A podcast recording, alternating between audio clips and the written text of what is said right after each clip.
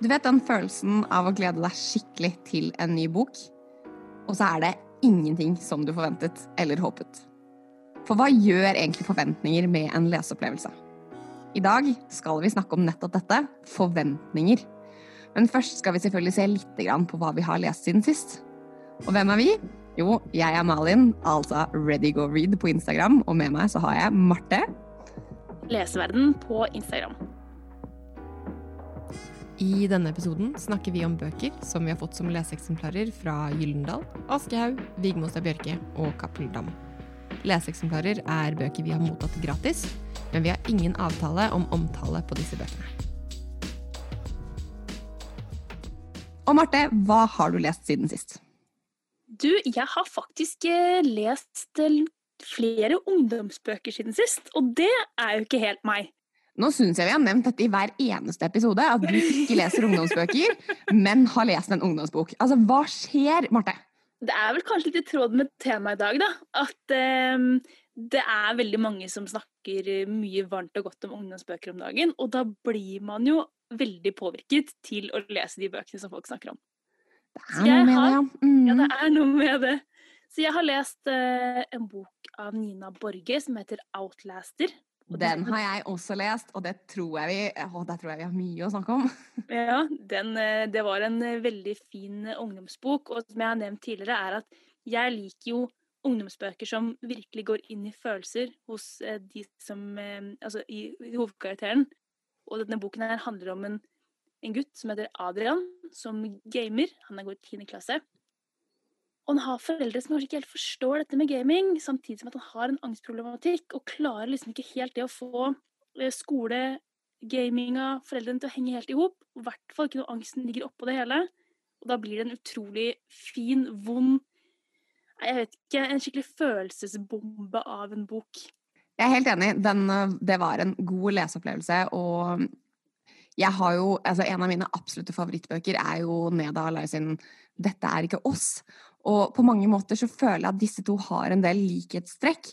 De er helt vilt forskjellige, men samtidig så er det på en måte noe med den derre følelsesnerven som treffer på samme måte. Men jeg liker så godt at Outlaster har på en måte vridd litt på den typiske Å, tør jeg å si det? Jentehistorien. Og på en måte turt og satt en gutt i hovedkarakteren hvor man har lite grann sånn herre issues og på en måte har litt dårlig kontakt med foreldrene sine og på en måte trenger litt den hjelpen og støtten. Og jeg syns Nina Borge gjør det veldig bra. Så åh, jeg, jeg, er glad den boken her har kommet. Altså. Jeg føler at den har truffet en publikum som kanskje ikke har fått sin historie fortalt tidligere. Hva tenker du om det?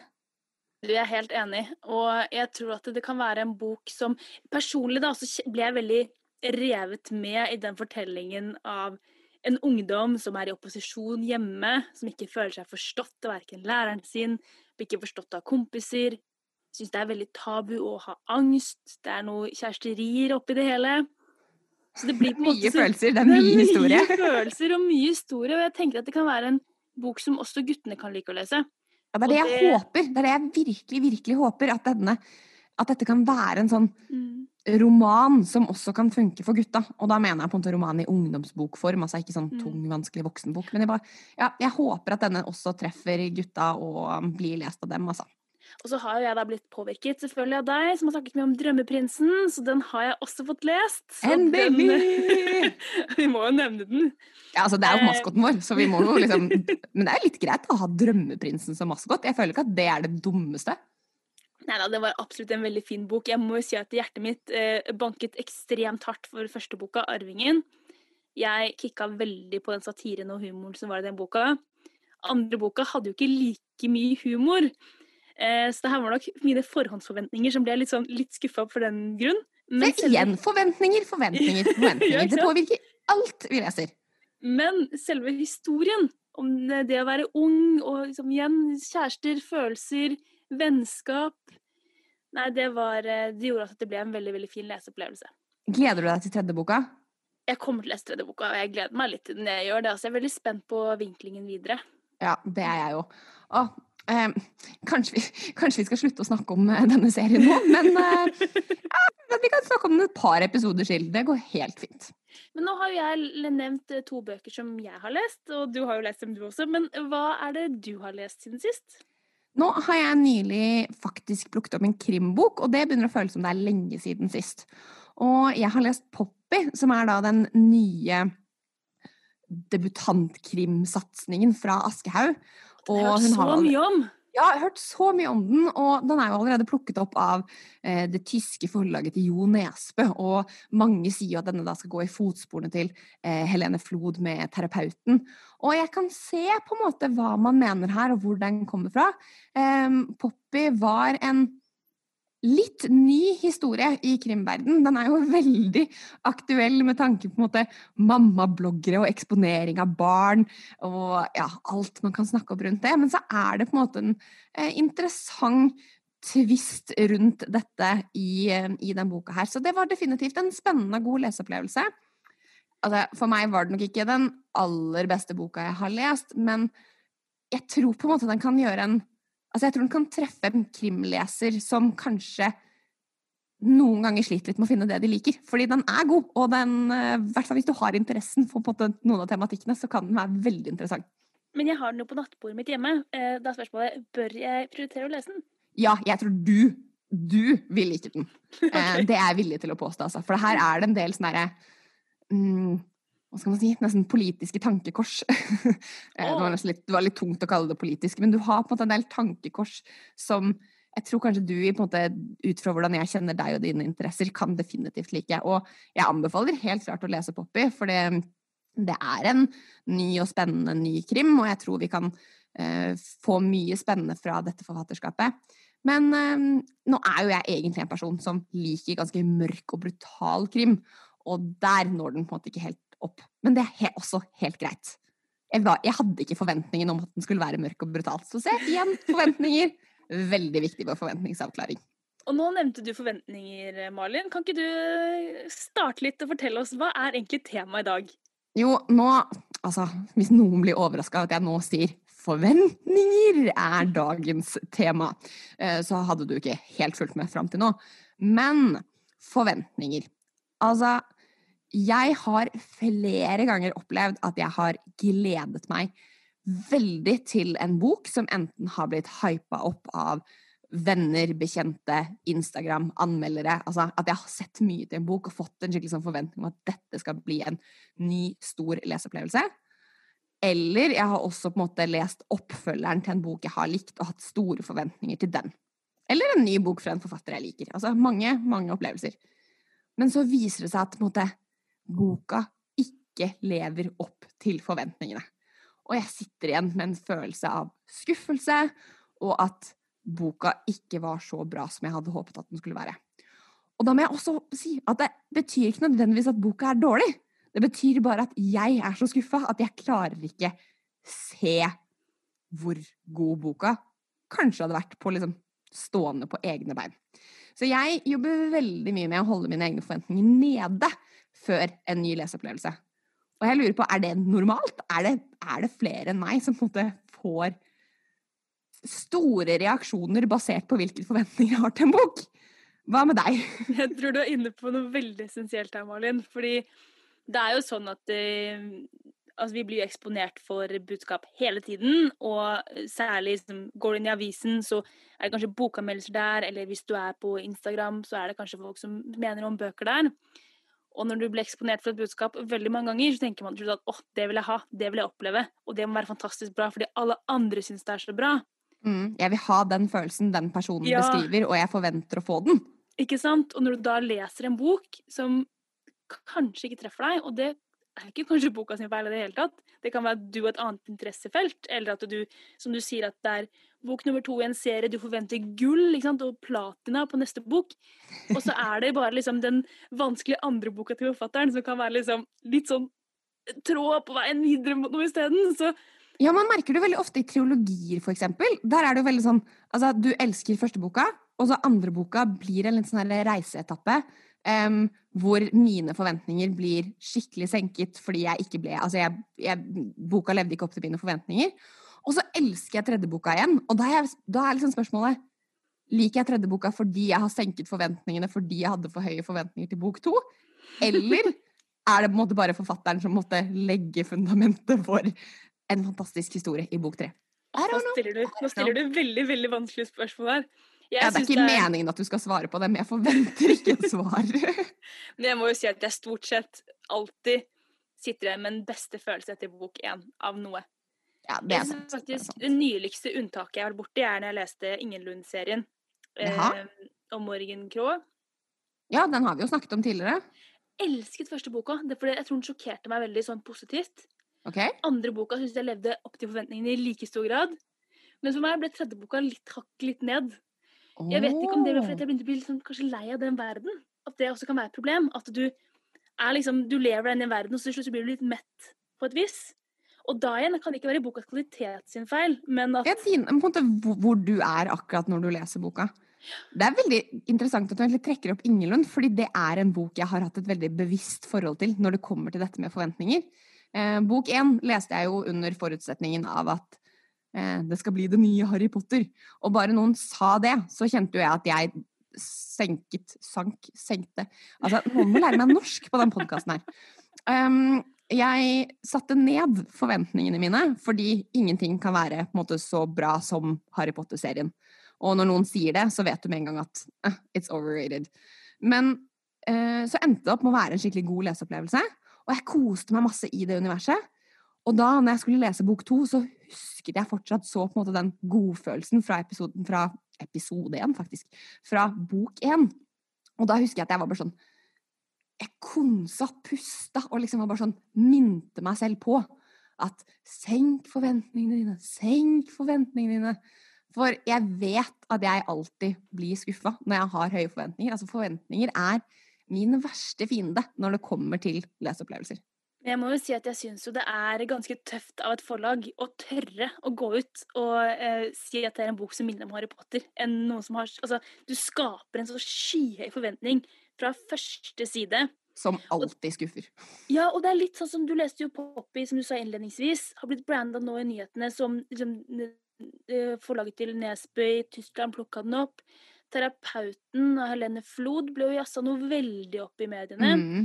Den ble nok dessverre for min del ødelagt av mediene, eh, fordi jeg forventet Jeg vet ikke hva jeg forventet, jeg. Jeg forventet et, eh, kri, altså et fyrverkeri uten like. Og så var det en veldig bra bok, men det var ikke det fyrverkeriet jeg følte at mediene jazzet opp. Ja. Og altså Jeg husker eh, fra ungdommen så var jo nyttårsaften årets viktigste dag. Altså det føler jeg fortsatt at mange gjør. At måte, man legger så mye forventninger opp til at det skal være måte årets beste kveld, og du skal være årets beste fest, og liksom alt skal være best på nyttårsaften. Men jeg lærte så tidlig av noen eh, kamerater at eh, bare senk forventningene til nyttårsaften. Ikke ha noen planer, ikke ha noen håp. Og jeg bare husker første året de liksom fokuserte på det sammen med meg, så endte jeg opp med å ha måte den beste nyttårsaften jeg noen gang har hatt. Til dagens dato fortsatt liksom den beste nyttårsaften jeg har hatt.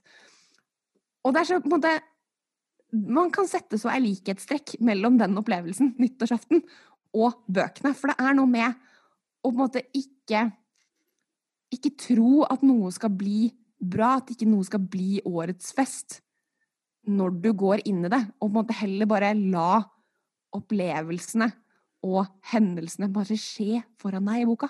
Det er et kjempegodt eksempel du trekker fram nå, og jeg kjenner jo på det liksom hver eneste høytid, egentlig. Bursdag, nyttårsaften, altså julaften. altså Det er så mye forventning knyttet til sånne hendelser. At det er ekstremt som du sier, overførbart til hvordan man kan møte en bok eller en film eller hva som helst. Og det er jo liksom sagt, det er jo litt sånn Det er forventningenes forbannelse, på et vis. det. Mm. Og så er det jo fryktelig urettferdig, eh, egentlig, overfor eh, boka, at vi møter den med veldig veldig høye forventninger. For det er veldig vanskelig, både som menneske og som bok, holdt jeg på å si, å leve opp til andres forventninger.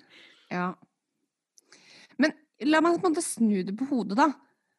Tror du det er bra hvis vi slutter å ha forventninger også? Altså Vil det være positivt? Hvis vi bare kunne fjerna den følelsen fra vårt litterære bibliotek? Tror du det blir noe bedre hvis vi Eller har det noe godt for seg å på en måte bare kutte dette med forventninger? Nei, jeg tror ikke det heller, skjønner du. Fordi jeg, min leselyst drives veldig ofte av å ha bøker til at jeg gleder meg til å lese. at jeg har en bunke bøker på nattbordet mitt med titler jeg har lest om og har forventninger til. Og det er det som får meg til å få lyst til å ta opp boka. Jeg er fryktelig dårlig til å gå inn i en bokhandel, bare lese bakpå noen tilfeldige bøker og bare ta med meg noen. Jeg er utelukkende en sånn person som drives av andres eh, anbefalinger og eh, tips og råd til hva man bør lese. Ja, du har jo nevnt det flere ganger at du Ja. eh, blir påvirka av påvirkere. Absolutt. Jeg er en eh, influenser som blir influenced, er det ikke det man sier? Og da, og da tror jeg at jeg hadde lest faktisk mye mindre hvis ingen tilrettela lesing for meg. Ja. Hva tenker du, Malin? Det handler om å finne på en måte det gylne, eh, gylne snittet, hyllende mellomveien. Altså, norske ord og uttrykk. Jeg tror kanskje jeg kunne lagd en egen podkast med bare Malins versjon av disse uttrykkene. Og ja, forklart hva de egentlig mente i hennes hode. Jeg lover at jeg skrur av norsklærerhjernen min når du prater også, så jeg skal ikke bruke det mot deg. Eh, takk. Da håper jeg alle lyttere også velger å gjøre det. Eh, jeg skylder på dobbelt statsborgerskap, selv om jeg er født og oppvokst i Norge. Em, hva snakket vi om? Jo, vi snakket om uh, forventningene, det å finne den gylne mellomveien. Og jeg tror du har helt rett at det vil ikke gagne noen at vi fjerner disse forventningene heller. For det er jo nettopp det som gir meg lyst til å plukke opp en bok, og som gir meg lyst til å være en leser. At noen har sagt dette er en historie verdt å høre, dette er en historie verdt å fortelle, dette er en bok du vil få noe ut av å lese. Det er jo det som motiverer meg gang etter gang. Men hva skal man liksom gjøre da, når man også vet at forventningene er det som kan ødelegge de beste leseopplevelsene? Mm, jeg vet ikke. Jeg har hatt en diskusjon her med noen, eh, noen her og der, holdt jeg på å si, som, som er litt sånn Syns det er litt skummelt å si negative ting om bøker. Jaha. Men da er det veldig mange som kontrer med at eh, en negativ omtale kan få de til å faktisk tenke at den boka har lyst til å lese. Ok, dette må du forklare meg mer. Ja, men sånn, ta for eksempel, Det var en bok som kom i fjor, som het Min mørke Vanessa. Ja, stemmer det. Eh, den, eh, det var en av, de beste, en av mine beste leseopplevelser i fjor. Syns den var helt fantastisk bra. Men eh, da fikk den treer i VG, og overskriften var 'Skuffende snakkes'. Det var før jeg leste den. Og da tenkte jeg åh, skal jeg gidde å lese den boka her likevel, hvis den er så dårlig? Og så leste jeg litt om eh, liksom, selve artikkelen, og så var det egentlig sånn Det sto ting i den artikkelen som egentlig gjorde meg interessert. For det sto 'vi er lenge i hovedpersonen sitt hode', f.eks. Altså, den, den la veldig opp til at det var en tung, mørk bok. Anmelderen tålte ikke å være i hodet til hovedpersonen så lenge, mens jeg tenkte åh, det har jeg kjempelyst til. Og når da Dagbladet kom med årets beste bok hittil, terningkast seks, så fikk jeg i hvert fall lyst til å lese boken. Og det viser på en måte liksom sånn også den derre subjektive meningen til folk. Altså, vi har forskjellige forutsetninger når vi møter en bok. Så noen personer kan jo hate en bok, og noen kan jo elske en bok. Ja, det er nettopp det. Altså, smaken er som baken. Den er delt i to. Uh, og vi snakket jo litt om det forrige podd også, når vi snakket om lesehastighet og leseteknikk, at vi er handlingsdrevne lesere, begge vi to. Men så er det andre der ute som setter pris på språket og på en måte formuleringen og på en måte mer detaljene i bøkene. Jeg for eksempel, jeg vet jo at jeg hatet Elena Ferrante sine bøker fordi de var så beskrivende. Altså det var beskrevet hit og dit, og det var liksom du kunne Du følte at du var i Italia fordi beskrivelsene var der. Men det var jo det verste jeg kunne bli utsatt for. Altså sånn Det bare falt jo ikke Altså jeg kastet boka i veggen til slutt fordi jeg ikke taklet mer. Og det er jo på en måte Min mening er jo ikke den gjeldende meningen for den boka. Det finnes jo så mange som måtte elsker de og beskrivelsene, og derfor roser denne boka opp i skyene. For jeg leste jo også Ferrante nettopp av samme årsak som deg. Den ble Ja. jo en kjempehype. Eh, Skikkelig. skikkelig. Og jeg hadde noen venninner som var sånn Jeg har aldri lest en bok før, men denne her elsket jeg. type. Jeg var sånn Wow, da må den være bra. Mhm. Og så leser jeg den, og så er det en veldig bra bok. Men jeg som deg er ikke så opptatt av dette poetiske språket og disse utgreiningene om det ene og det andre. Så jeg også sleit meg gjennom den boka. Så selv om måte, jeg hadde hørt at den skulle være kjempebra, så var ikke det den beste boka for meg. Og det er jo på en måte det som gjør det vanskelig, da, når det kommer Mm. til dette med forventninger. Skal man skape ja, både positive og negative forventninger?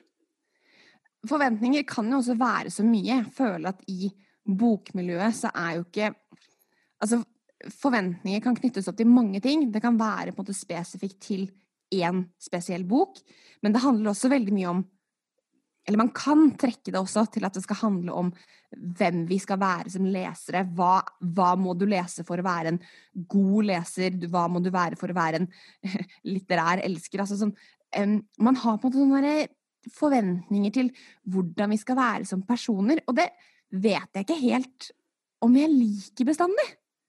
Og det kjenner jeg, det du sier der, er så spot on, fordi det er iblant Eh, så er det forventet at ok, fordi jeg er norsklærer, så har jeg vel lest alle disse klassikerne, f.eks. Og har jeg ikke det, så har jeg ikke nok litterær kapital eller kulturell kapital til å kunne liksom stå og mene noe om norskfaget. Og det var et veldig godt eh, poeng. Den kjente jeg at den satt. for eksempel. Eller det kan være i andre settinger hvor, hvor, det, hvor det, liksom Det er ikke bra nok da, å ha lest en sånn uh, bok med romantikktema, eller altså, eller en ungdomsbok, at en voksenleser er ikke bra nok. Ja, det ser man jo kanskje mye på eh, internasjonale bookstagram, føler jeg. At eh, hvis du bare leser ungdomsbøker, så kan du ikke kalle deg på en måte en, en leser, en god leser. Og det er sånn, det er så, jeg får så lyst til å bare si sånn, det er så bullshit! Det viktigste er jo in the end å ha en god leseopplevelse og bare lese. Så kan du bare slutte å bry deg om hva andre tenker om det. Eller du kan slutte å bry deg hva andre gjør, og så heller bry deg om seg selv. Så ser man jo det at eh, Norges mestselgende forfatter, Frid Ingulstad, som lager kiosklitteratur, hun får jo ikke engang lov til å være med i Forfatterforeningen.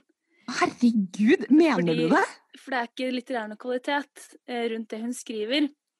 Så det gjør det jo sånn at man også Altså de som på en måte lager og si, gir ut bøker, de også setter et stempel på litterær kvalitet. Ja. Åh, disse forventningene vi har til på en måte alt her i livet, både bøkene og mennesker og alt rundt oss. Det er litt slitsomt, er det ikke det? Jeg syns det er litt slitsomt. Um, samtidig, så, som du sier, så er det jo litt fint også at noen har forventninger til det.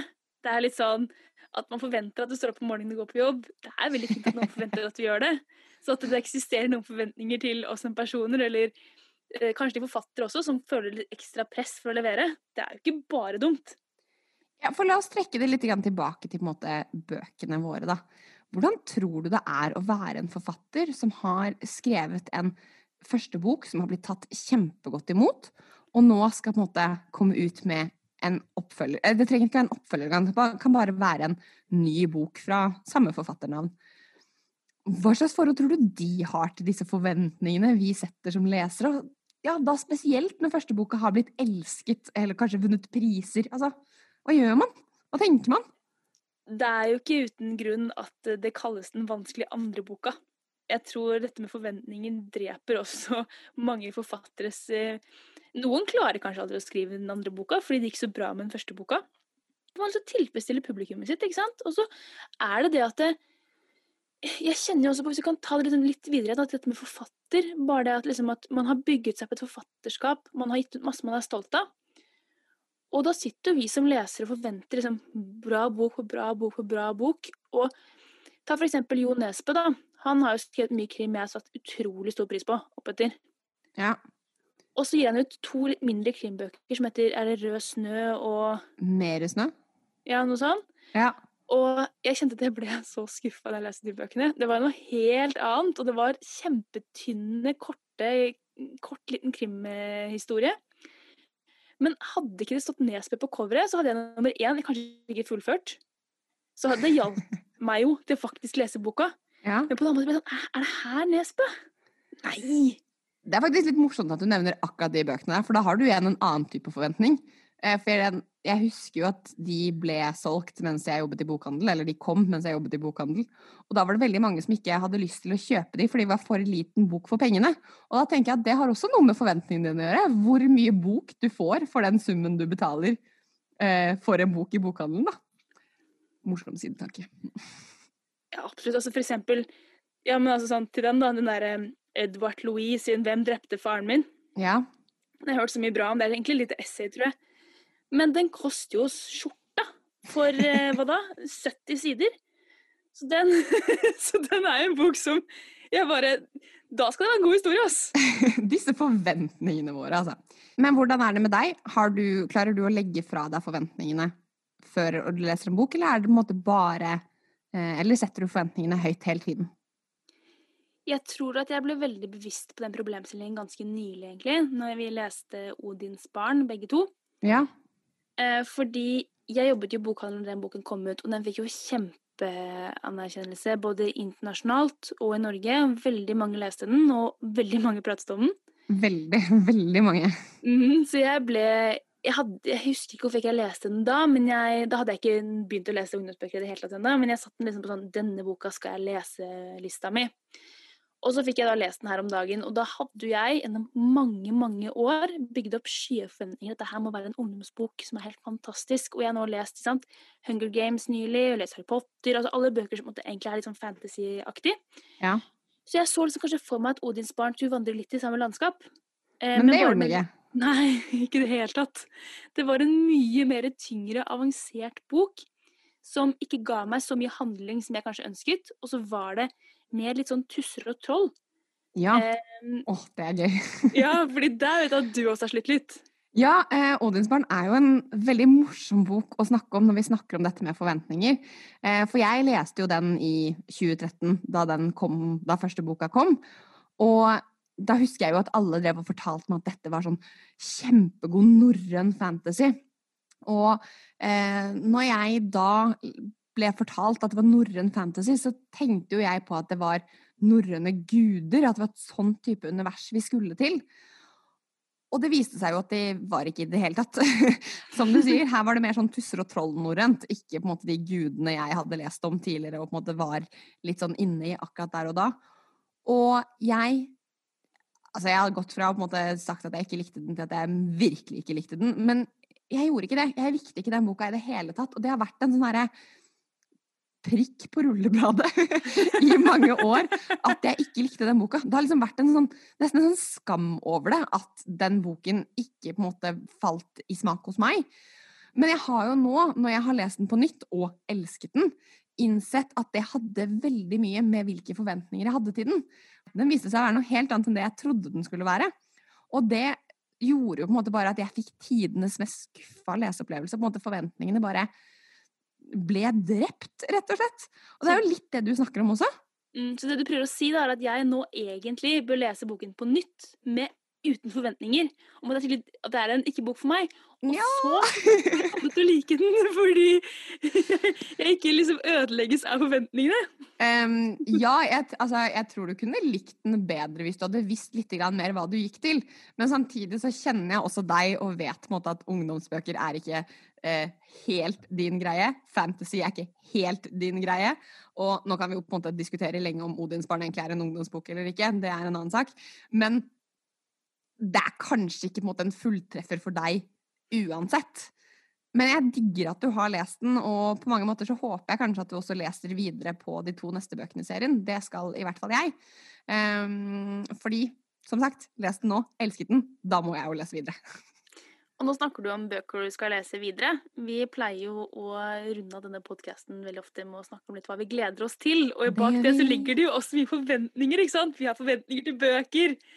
Skaper vi litt sånne kjipe og teite forventninger for andre ved at vi snakker om hva vi gleder oss til? Nei. Nei, nei det gjør vi ikke. Ta det som et greit forslag fra vår side. Også. Ja. ja. Og så må dere huske å senke forventningene deres før dere leser en bok som vi har gledet oss til. For det kan hende at du opplever den helt annerledes enn oss. Det kan også hende. Men Malin, ja. hva gleder du deg til? Åh, det er faktisk et veldig godt spørsmål. Fordi jeg har nettopp oppdaget, eller reoppdaget, at det kommer en bok som jeg har gledet meg til i egentlig flere år.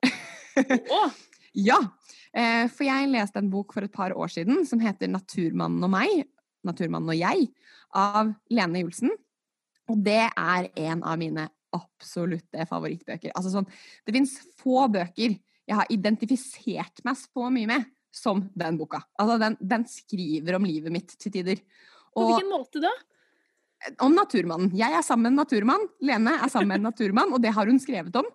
Og hun skrev, altså hun skrev kronikker i Aftenposten før hun ga den boka her, som på en måte viste seg å være starten på boka hennes. Og jeg husker at jeg leste de kronikkene og på en måte var sånn Hun skriver om livet mitt! Dette er meg! Dette er fremtiden min! Fordi hun skriver jo da om en samboer som kanskje er litt mer opptatt av klatreutstyr i boden enn å dra i bryllup til noen venner og liksom En del sånne type ting. da, Å måtte være sammen med en som velger naturen over eh, ja, det sosiale livet eh, innendørs, kanskje. og nå skal eh, Lene Julsen gi ut en ny bok, og den heter 'Redd deg selv først'. Um, jeg er litt spent på den tittelen, og jeg er litt spent på hva boka egentlig handler om, fordi jeg har ikke lest så mye om hva dette skal være, annet enn at jeg tror det er en litt sånn Den går inn i selvhjelpskategorien. Um, men jeg bare elsker hennes måte å skrive på. Og jeg gleder meg sånn til å måtte se hva mer som kan komme fra henne. Så hun er definitivt en forfatter jeg har forventninger til. Men samtidig så på en måte sørger jeg for at de forventningene ikke blir for høye, ved å ikke sette meg inn altfor mye inn i hva boken faktisk skal handle om. Så da får jeg litt sånn overraskelser underveis. Og det føler jeg er en grei måte for meg å forholde meg til sånne bøker som jeg gleder meg til. Hva med deg? Hva skal du eh, lese videre? Hva gleder du deg til? Du, jeg tenker at jeg skal eh, Jeg trenger noe litt lett. Jeg trenger noe eh, litt sånn eh, Jeg kan drømme meg litt bort i. Så jeg har lyst til å pirke litt bort i den liksom romantikksjangeren jeg fremover. OK. Dette kan bety veldig mye forskjellig. Ja. Um, men jeg leste tidligere eh, I fjor blir det da en bok som het um, I samme seng. Eller ja, jo, I samme seng av okay. Beth O'Leary, som var en bok som egentlig ganske tjukk, men den var en sånn søt kjærlighetsfortelling mellom to stykker som bodde i samme leilighet. Men de møtte hverandre aldri, for den ene jobbet natt, andre jobba dag. Og så ble det en sånn der, veldig søt kjærlighetshistorie med, noen Post-It-lapper på kjøleskapet, og det var sånn de kommuniserte. Og så Jeg vet ikke hva det var, men jeg syns det var um, Jeg hadde kanskje null forventninger, da, og så var det en veldig søt kjærlighetshistorie, som sagt. Og så ja. Viste seg å bli en god leseopplevelse. Veldig. Og ja. samme forfatter nå har gitt ut en bok som heter eh, Bare på besøk. Så jeg tenkte at det er kanskje en bok som kan være litt sånn romantisk lett og ledig. Jeg vet ikke om det er så mye romantikk i den, men det er liksom samme type sånn sjanger. Ja, de litt lettere romanene. Altså ikke så mye mørk, dyp tematikk og feel tunge good temaer. Er kanskje feel, good. Hva er det norske ordet for feel good? Godfølelse. Lese. godfølelsen. Ja, OK, men det er greit. Vi jakter ja. godfølelsen. Det syns jeg høres veldig bra ut. Ja. Og så tenker jeg også at nå har jo denne The Seven Husbands of Evelyn Hugo oh, vært ja. på alles lepper i gud veit hvor lenge. Og jeg har hatt skyhøye forventninger, jeg skulle si, men jeg har hatt kjempelyst til å lese den. Men, du har hatt litt forventninger, òg? Ja, men det som er greia, er at jeg har jo eh, leser utelukkende norsk. Det har ikke vært å finne på norsk før nå. Nå har Cappelen Dam kjøpt opp rettighetene til å gi den ut i pocket, faktisk. Så den kommer nå eh, Evelyn Hugos Syv ektemenn. Jeg må jo innrømme at det her er ikke en bok jeg hadde tatt opp hvis jeg gikk i butikken i dag, fordi coveret på den ser så kjedelig ut. I kontra mm. den engelske versjonen, som ser faktisk litt sånn kult ut. Litt sånn oi, hipt, det har jeg lyst til å lese. Altså, jeg har lest den, eh, eller hørt den på lydbok, da, hvis vi skal være mm. helt eh, firkanta på det. Og jeg hadde aldri skjønt at det var samme bok jeg har hørt og på en måte sett det engelske coveret på, når jeg ser det norske coveret på den boken. Nei. Fordi man, man Altså, jeg kan ikke fatte at det her er den boka eh, som jeg syns var så kul. Fordi forventningene jeg får av å se på det coveret, se på måte, det designet den har kommet i, det gir meg ingenting. Det gir meg ikke noe lyst til å lese den. Og det er også sånn, ja, Hvis vi skal snakke enda mer om forventninger, så kan vi snakke om design på bøker òg. Men vi kan snakke om Evelyn Hugo, da. ja, nei, så jeg tenkte at uh, Fordi de, de, engelske forlagene har klart å gi den ut på en god måte og fått uh, omtale om den, så skal jeg gi den en uh, sjanse. men jeg hadde aldri, aldri, aldri plukket den opp i en norsk bokhandel. Og du sier jo at den er bra, du også, så tenker jeg at eh, ja, få gi den en sjanse. Ja, den er faktisk kjempebra. Og um, hele det forfatterskapet der til Taylor Jenkins Reed, er det ikke det den heter? Jo. det er et fantastisk forfatterskap. Og hvis du da Litt som den der forrige boka du nevnte, med de derre um, lettbeinte romantiske komediene, eller ja, lettbeinte romantiske historiene, men som likevel på en måte er litt god roman, har litt substans. Det gjør hun Taylor Jenkins Reid dødsbra. Altså, hun har noen gode bøker som jeg bare liker så godt. Og det er samme forfatter som har skrevet eh, Daisy Jones and The Six. Og den er også bare sinnssykt god. Og jeg bare, men Evelyn Hugo den har liksom et hint av krim over seg også, og jeg tror Oi. du kommer til å like den. Ja, ja, jeg, ja, jeg, ja, jeg er villig til å si det. Altså, jeg tror du kommer til å like den. Og selv om den norske coveret ikke på en måte er tidenes mest sånn mestselgende cover, så kommer den rett i pocket. Og det er en dødsbra bok, så jeg anbefaler den helt klart, altså. Drit i forventningene til det coveret, og heller lytt på mine forventninger til at det er en sykt bra roman. Les den. Og så har jeg faktisk én bok til som jeg kjøpte okay. dagen. Og det er 'Min søster er seriemorder', for den har akkurat kommet i pocket. Har du ikke lest den? Nei, jeg har ikke lest den! Alle har jo lest den, og noen, Ja, el jeg har lest den. noen elsker den, og mange hater den. Så jeg har på en måte, der har jeg faktisk null forventninger. Der jeg, møter jeg boka helt med blanke ark, for jeg veit hvor liksom delt det synet på den boken er. Men øh, jeg har liksom det har, liksom ligget sånn Jeg syns at coveren er ganske kult, da. Så jeg har jo Men den er litt kul. Den er litt annerledes. Den, det er også på en måte en uh, typisk krim som ikke er typisk i det hele tatt, og pakket inn en litt spennende innpakning. Så ja. Mm.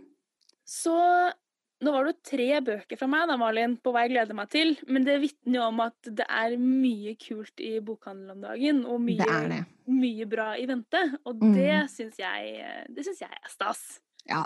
Jeg syns også det er skikkelig stas. Og en annen ting som er stas Hørte du den, Marte?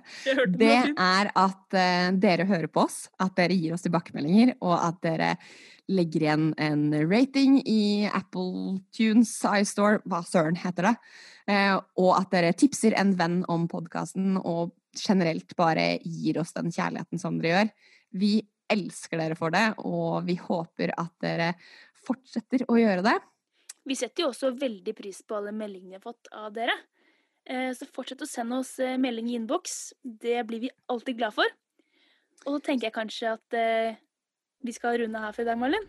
Jeg tror også det. Vi kan avslutte med å si Syns at det har blitt litt for mange bøker vi har nevnt i den podden her, og du har lyst til å få en liten oversikt over alle bøkene vi har nevnt, send en melding til meg eller Marte, så skal vi gi deg en liten sånn cheat sheet om hvilke bøker vi har snakket om.